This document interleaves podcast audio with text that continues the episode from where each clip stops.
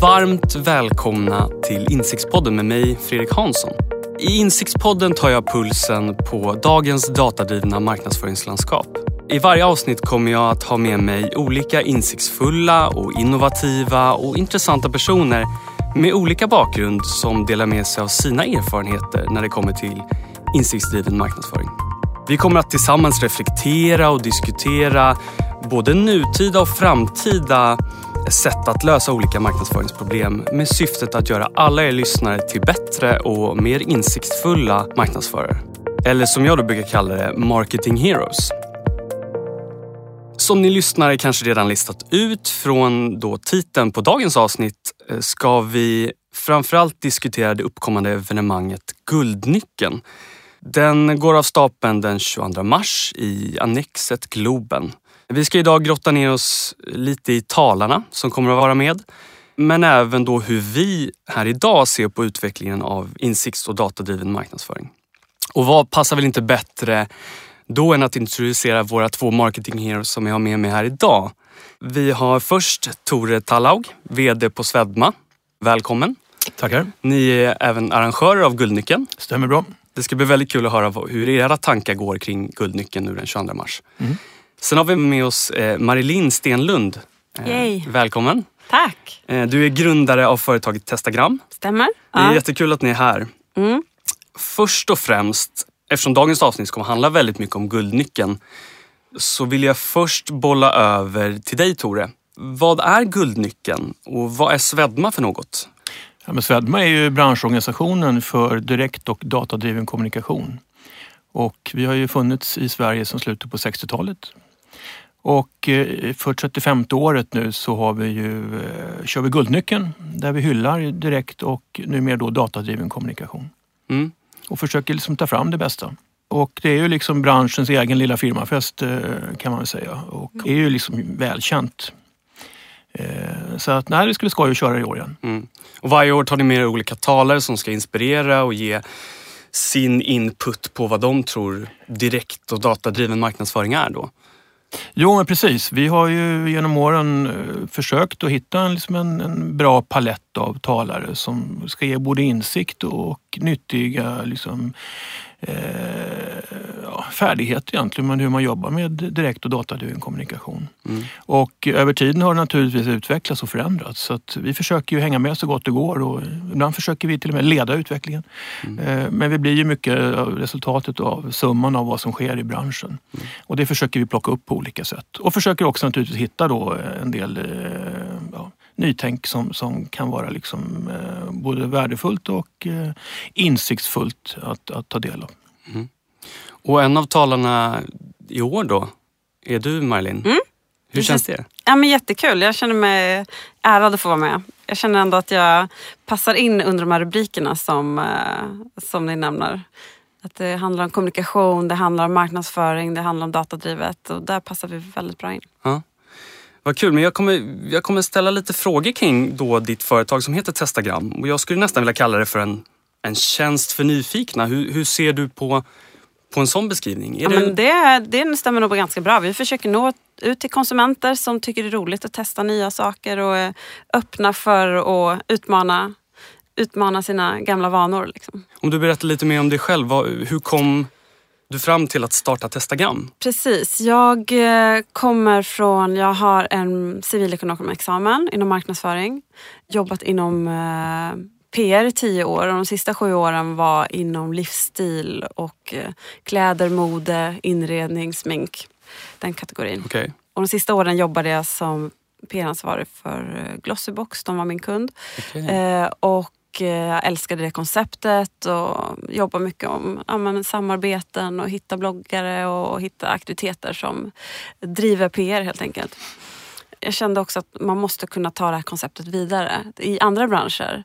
Hur skapar man engagemang för, för produkter och vilka branscher har en stark, och, eh, en stark produktutveckling och hela tiden lanserar nya Eh, produkter.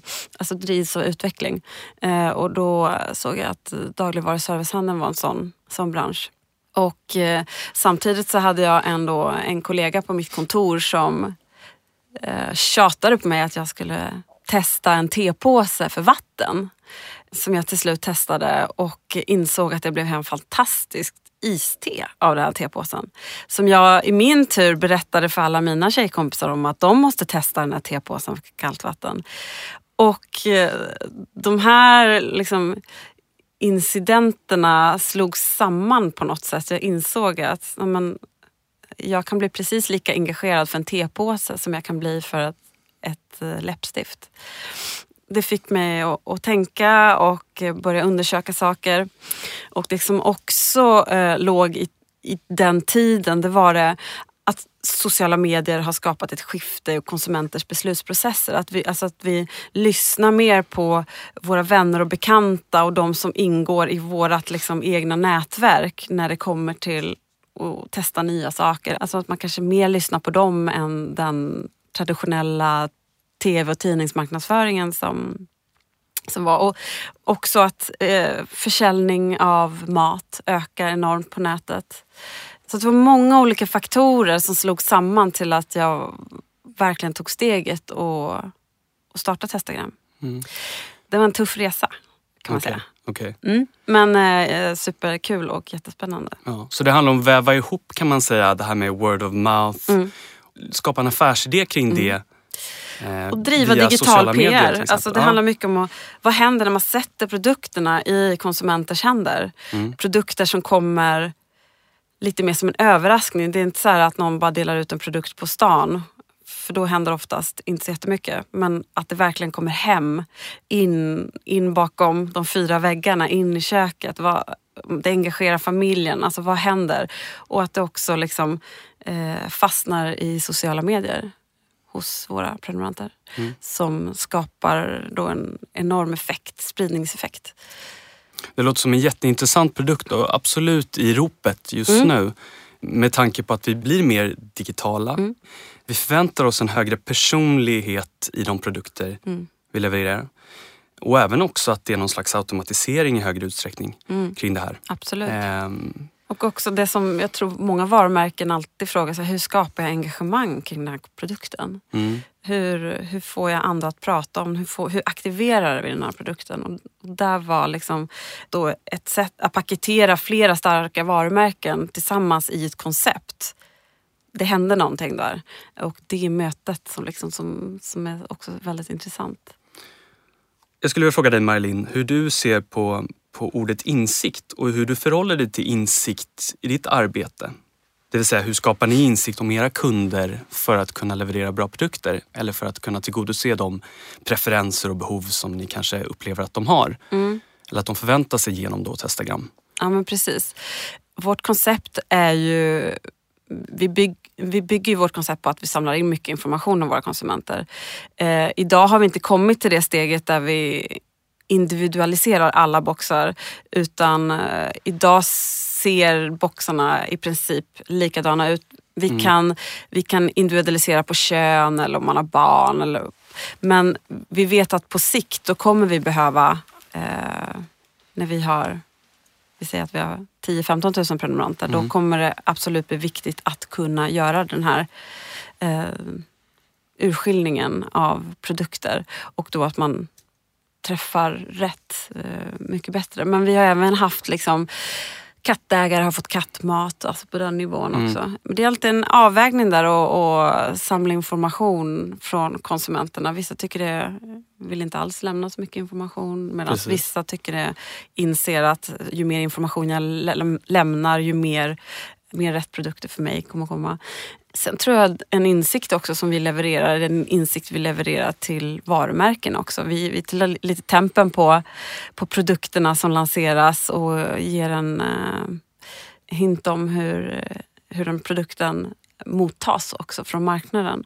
Eh, våra prenumeranter är ju främst 98 procent är kvinnor eh, i 33 år och det är en ganska eh, attraktiv målgrupp för varumärkena att verkligen få får respons från. Och, mm. eh, så där levererar vi mycket insikt varje månad till varumärkena.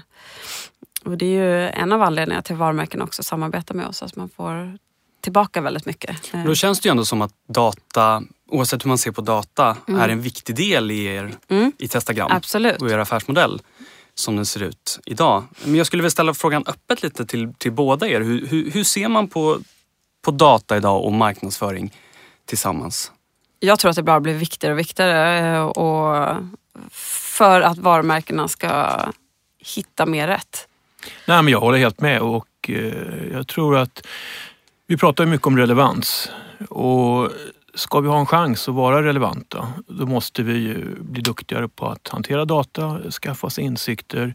Eh, därför att vi ser ju samtidigt nu som ju, mer möjligheter vi får så ökar ju också reklamundvikandet på olika sätt. Och eh, jag tror att för, för de som vill vara med här nu och inte störa men beröra eh, så gäller det att ha vederhäftig data för att kunna göra kommunikationen eh, just så relevant som möjligt. Det blir lite uttjatade ord det här med relevans och så vidare men det är ändå väldigt viktigt. Mm. Men jag skulle vilja komma in på lite det här med Guldnyckeln också. Och mm.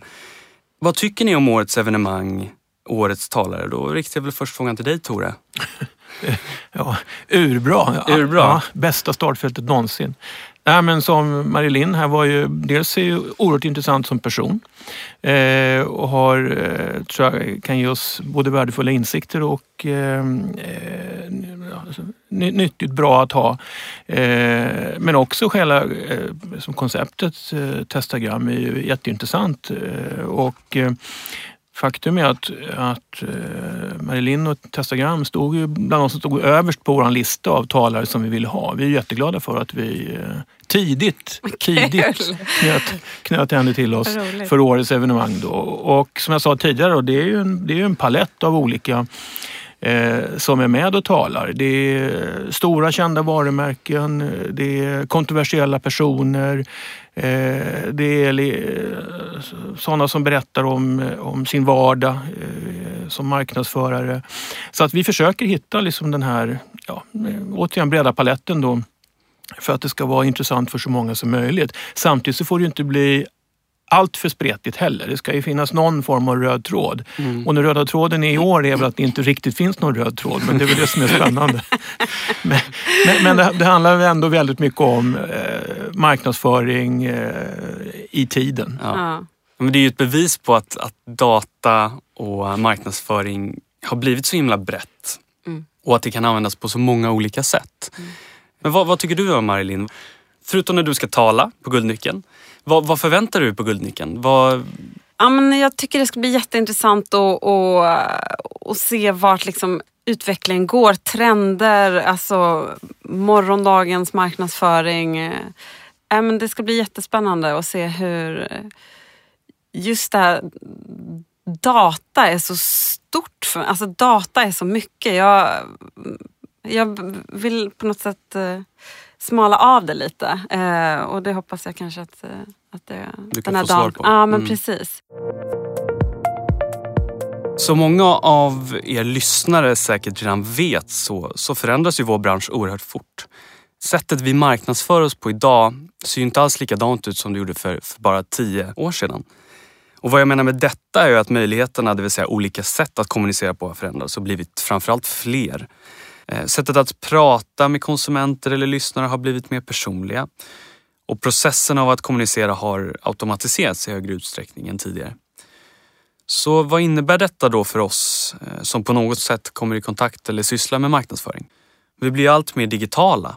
Vi lagrar mer och mer data, information. Vi verkar i miljöer som inte alltid kanske är äkta utan snarare artificiella. Det kan handla om VR, det kan handla om allt möjligt. Eh, om ni skulle försöka er på en framtidsspaning, vad tror ni då kommer hända i framtiden? Tror ni det kommer en motreaktion på all den här mängden data vi samlar in? Jag tror fortfarande att framtiden ligger i konsumenters händer. Alltså mm. den devicen vi, vi håller i vår hand. Mm. Eh, att nå ut på ett relevant sätt i den tror jag fortfarande kommer fortsätta vara så viktigt. Och hur man gör det, eh, det kommer nog att utvecklas tror jag.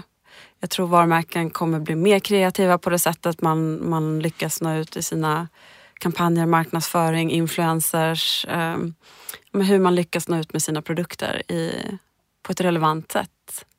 De varumärken som lyckas knäcka den koden tror jag kommer vara väldigt eh, framgångsrika. För någonstans handlar det om liksom att få uppmärksamhet men uppmärksamheten bygger också på att driva försäljning. Försäljning är ju det liksom huvudsyftet som alla varumärken har. Liksom. Mm. Eh, även, och det är precis det jag också vill med Testagram. Det är väl att jag vill driva mina varumärkers försäljning. Alltså, det är som all marknadsföring. Vi vill, eh, ja, vi vill driva försäljning helt enkelt. och eh, komma närmare köpbeslut. Mm. Jag tror fortfarande att influencers kommer vara en jätteviktig ja. del. Tore, har du någon tanke kring det här? Nej, men jag håller helt med och ja. eh, alltså, någonstans är det väl så att det handlar om att få effekt. Varje krona man investerar vill man ju få tillbaks helst lite mer än en mm. krona. Eh, det är det det går ut på någonstans. Men sen tror jag också att det kommer vara oerhört viktigt att vi, att vi är det goda företaget. Mm. Alltså det går inte att överlista eh, konsumenterna längre eh, utan man måste helt enkelt på något sätt skapa ett, en Eh, goodwill och vara det goda företaget. Och då tror jag att de som kan hantera data på rätt sätt, eh, det är de som kommer vara vinnare. Och där håller jag helt med dig Marilyn. Mm. Och eh, alltså det är ju rätt scary ändå att tänka sig att det kommer vara ungefär 50 miljarder devices.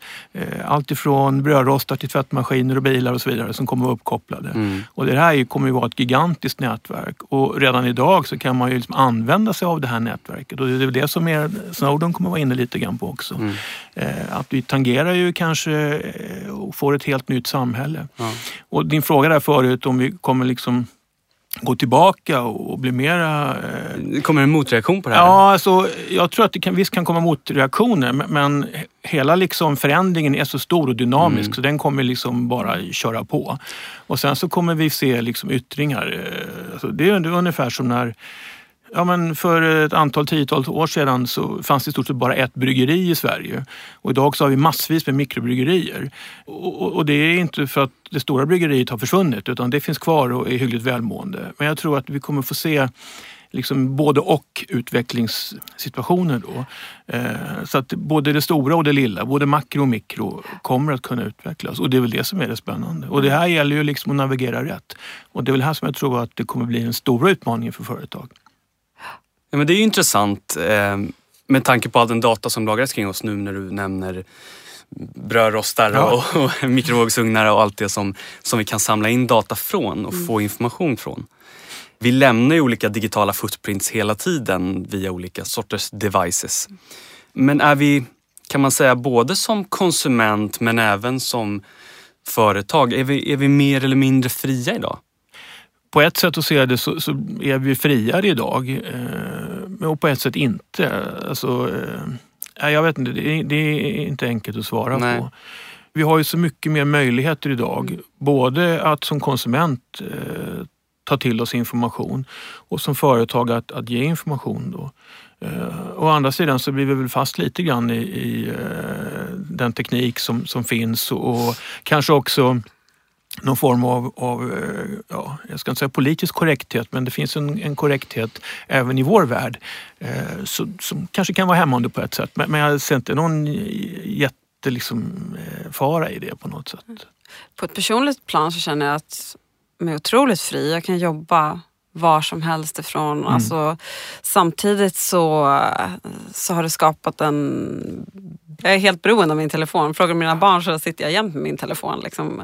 Och, eh, oftast är det ju för att jag jobbar men det, det, är, liksom, det, det är svårt att lite klippa det bandet. Man måste så mentalt bara nu, lägg, nu skärmar jag av, nu är det mobilfritt, nu umgås Alltså det är sådana grejer som, som både positivt och negativt. Mm. Fast det är väl det stora, eh, alltså, oaktat marknadsföring då, men just det här att vi har oerhört svårt idag att skilja på arbetstid, mm. fritid. Man är väl en slav lite under det, precis som du säger här med att när mobilen åker väl upp eh, både i tid och otid.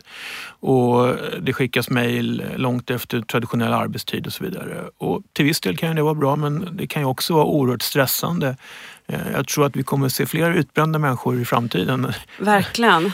Äh, men, eh, det är så viktigt att bara tänka på att leva i nuet ibland mm. och bara inte in involvera mobiltelefonen mm. i alla de lägena. Nyttigt att, att tänka på. Hur ser ni på utvecklingen av medielandskapet idag? Ja, med hänsyn till all den, den data som finns om konsumenten idag. Vi ser till exempel att tv-reklam ökar. Så även utomhusreklam under 2016. Vilket också skulle kunna vara en motreaktion mot allt det här digitala som vi kan bara ta upp mobilen och titta och mm. få information. Och...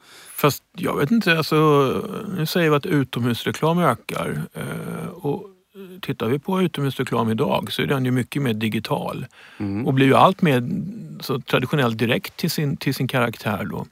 Du kan ju ha olika budskap olika tider på dygnet. Mm. Det finns ju till och med någon som läser av registreringsskyltar på bilar och på olika sätt så blir ju även utomhusreklamen eh, ja, både digital och direkt Ja, den, den, finns ju där ute i rummet, det offentliga rummet. Jag tycker det är ganska naturligt att den ökar. Det är ju inte att man klistrar upp några papperslappar som det var förr som satt i 14 dagar. Eh. Nej, det krävs ju enormt mycket mer engagemang från varumärken för att verkligen mm, kreativitet för att bryta igenom på den nivån. Mm. Eh, jag tycker mycket coolare, häftigare grejer man ser inne i stan när man är i Stockholm. Mm. Det ställer hög, hö, höga krav på kreativitet. Ja, det ställer höga krav. Och det leder mig in lite på den andra frågan som jag hade kring just hur man som beslutsfattare ser till det visuella och det kreativa mm. kontra det mer rationella där data mm. styr vad det är man ska göra. Ser ni någon slags, eh, att de här liksom länkas samman på ett helt annat sätt idag än vad de gjorde tidigare? Nej men det är väl helt klart så att jag vet själv, jag satt som VD på ett, på ett företag i många år och träffade reklambyråerna och eh, de kom de oftast med sina pannåer uppklistrade och sen så var det enskilda kampanjer. Men idag så tror jag att det här flyter ihop på ett helt annat sätt. Alltså, det digitala Eh, är jätteviktigt. Så finns det de som i stort sett bara förespråkar det.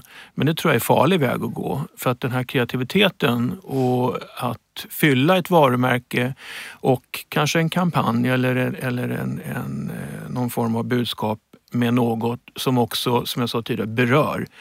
Eh, det kommer vara minst lika viktigt i framtiden och kanske till och med det är så att för att kunna sticka ut i det här digitala bruset så kanske kreativiteten blir ännu viktigare i framtiden. Jag märker också som jag som jobbar som PR-konsult i många år att eh, de sista åren då var ju vi även, vi gjorde digitala kampanjer. Alltså det är nästan som att reklambyråer också kan vara PR-byråer men PR-byråer kan också vara reklambyråer och att, att eh, de partners man jobbar med måste ha ett mycket, mycket större tänk än att bara tänka en kampanj på en panå. Det måste nå ut till fler kanaler och det måste vara ett, ett, ett större tänk kring kampanjerna. Jag vet att det var ju någon som, som jämförde eh, att vara marknadsförare idag, eh, det är som att vara tiokampare. Och tittar vi en tiokampare som tävlar i OS så tror jag att i de tio grenar, i det här manliga, eh, sjukamp är ju kvinnor då, men, men vare sig det är sju eller tio grenar, så är ju de som vinner en guldmedalj i OS eh, har väl i stort sett, eh, skulle ta svenska rekordet i alla de här grenarna. Eh, och det innebär att du måste vara oerhört duktig eh, om det nu är sju eller tio kamp, eh, snarare än att du bara hade en eller två frågor som du, som du kanske hanterade tidigare. Då. Och där tror jag nog att, att en marknadsförare idag måste kunna den digitala världen, måste kunna räkna, måste kunna eh, testa, eh, inser att insikter och analyser är oerhört viktiga eh, för om det ska lyckas eller inte lyckas. Och här tror jag nog att det, det är en ganska stor förändring som har skett bara de sista fem, åtta åren. Och det är både spännande och utmanande men det är också oerhört krävande för de som ska mm. vara marknads eller kommunikationsansvariga idag. Mm. Ja, men det är intressanta tankar ni har kring det där och jag tror att det kommer hela tiden utvecklas och vi kommer se olika varianter av hur man hanterar marknadsföring och kommunikation framöver. Men jag tänkte gå in lite mer på då, vi har ju touchat det här några gånger, men men Tore, hur, hur tänkte ni med valet av årets talare? Handlar det om att skapa en, en, liksom en, en, som du säger, palett av olika typer av infallsvinklar på utmaningar, problem, Ja, alltså, i, i, grunden handlar det väl om att, att menar, vi ska ju försöka göra ett lyckat event och mm. då gäller det att få dit en, en, Eh, ett bra startfält helt enkelt och som kan vara intressant för, för de som ska sitta och lyssna på det här. Och eh, i år då så försökte vi hitta en, en relativt bred palett då med, med många kulörer i. Eh, men ändå är det oerhört intressant för oss som jobbar i den här världen. Eh, och det tycker jag vi har lyckats med. Vi har ju alltid en önskelista. Jag kan säga att ett av varumärkena som, jag ska ju vara neutral, så att, men ett, ett av varumärkena som är med har vi jagat i åratal.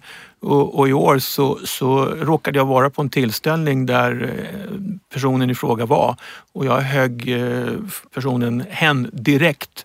Och sen har vi tjatat in och till slut så, så har vi lyckats. Så att det är och det är inte jag.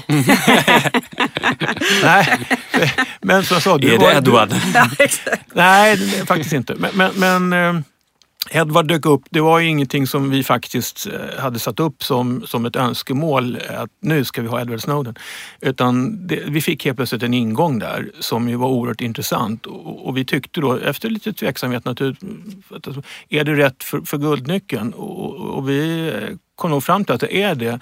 Därför att det är så mycket som rör det här med säkerhet. Eh, det, när, så, vad, vad, tar vår information vägen idag? Och därför tycker vi att det kan vara ett oerhört intressant ämne. Mm. Eh, sen, ja, man får ju alltid göra ett val där. Men, mm. men eh, det är alltid ett jagande att få ihop det här. Eh, men i år tycker jag vi har ett väldigt bra startfält. Inte minst Marilyn. Mm. Ja, det tycker jag också. Det ska bli skitkul. eh, vad, vad, kan man förvänta sig av årets guldnyckel, Tore? Alltså, jag tycker vi har ett, ett grundkoncept som, som håller ganska väl. Som vi sen naturligtvis alltid försöker skruva lite på. Så att eh, den senaste gången ska alltid vara den bästa. Mm. Eh, så är det väl med alla evenemang, att man försöker göra det. Och en sak som jag tycker är intressant i år det är att vi har den här Startup Tech, eh, alltså för, för techföretag som får komma och presentera sina idéer. Eh, och sen så ska en jury utse vilken som man eh, anser som, som bäst. Och det är lite ett nytt, liksom, en ny del av det som, som är traditionella guldnyckeln. Lives under själva... Ja. Ah, mm. Kul! Så det, det kommer ske lite vid lunchen. draknästet under... Ja precis, ah, det, det, är lite draknästet. Ah. Eh, och där har vi fått ett, ett, antal då som har sökt och vi har fem stycken finalister då. Så det är liksom en lite ny grej då. Sen har vi lite fler talare i år och sprider ut det lite mer. Vi, förra året hade vi färre men längre. Vi tycker att det, äh, men det, det är att föredra att det är lite fler faktiskt och mm. få lite fler infallsvinklar. Eh, och sen har vi naturligtvis kvällens gala eh, som ju, jag tror många vill ha den ungefär som den har varit. Sen vet vi hur det är med, med eh, prisutdelningar kan ibland av vissa uppfattas som lite långrandiga. Men där försöker man alltid göra det så, så geschwint som möjligt. Då. Jag tyckte vi lyckades bra med det förra året så vi fortsätter på den linjen. då. Så att, nej men det gäller hela, hela dagen då, dagen och kvällen ska liksom hänga ihop någonstans och när man vaknar på, i det här fallet torsdag morgon, så ska man känna fan det var rätt bra igår. Jag ska nog boka in mig nästa år också. Tack så himla mycket Tore och Marlin för att ni har varit med här idag. Tack. Tack. Superintressant och jag ser väldigt mycket fram emot årets guldnyckel den 22 mars. Eh, vi ses där. Vill även tacka alla er som har lyssnat idag. Innan jag avslutar skulle jag vilja presentera dagens insikt det är ett återkommande inslag och kan vara vad som helst som står i relation till något nytt som man lärt sig, som man inte redan visste sedan tidigare. Idag vill jag lämna er alla med ett litet ordspråk av Marie von Ebner Eschenbach. Hon säger Dagens insikt kan vara dotter till gårdagens misstag. Ha det så bra och fortsätt vara innovativa, nyfikna personer så följer insikterna därefter. Hej då!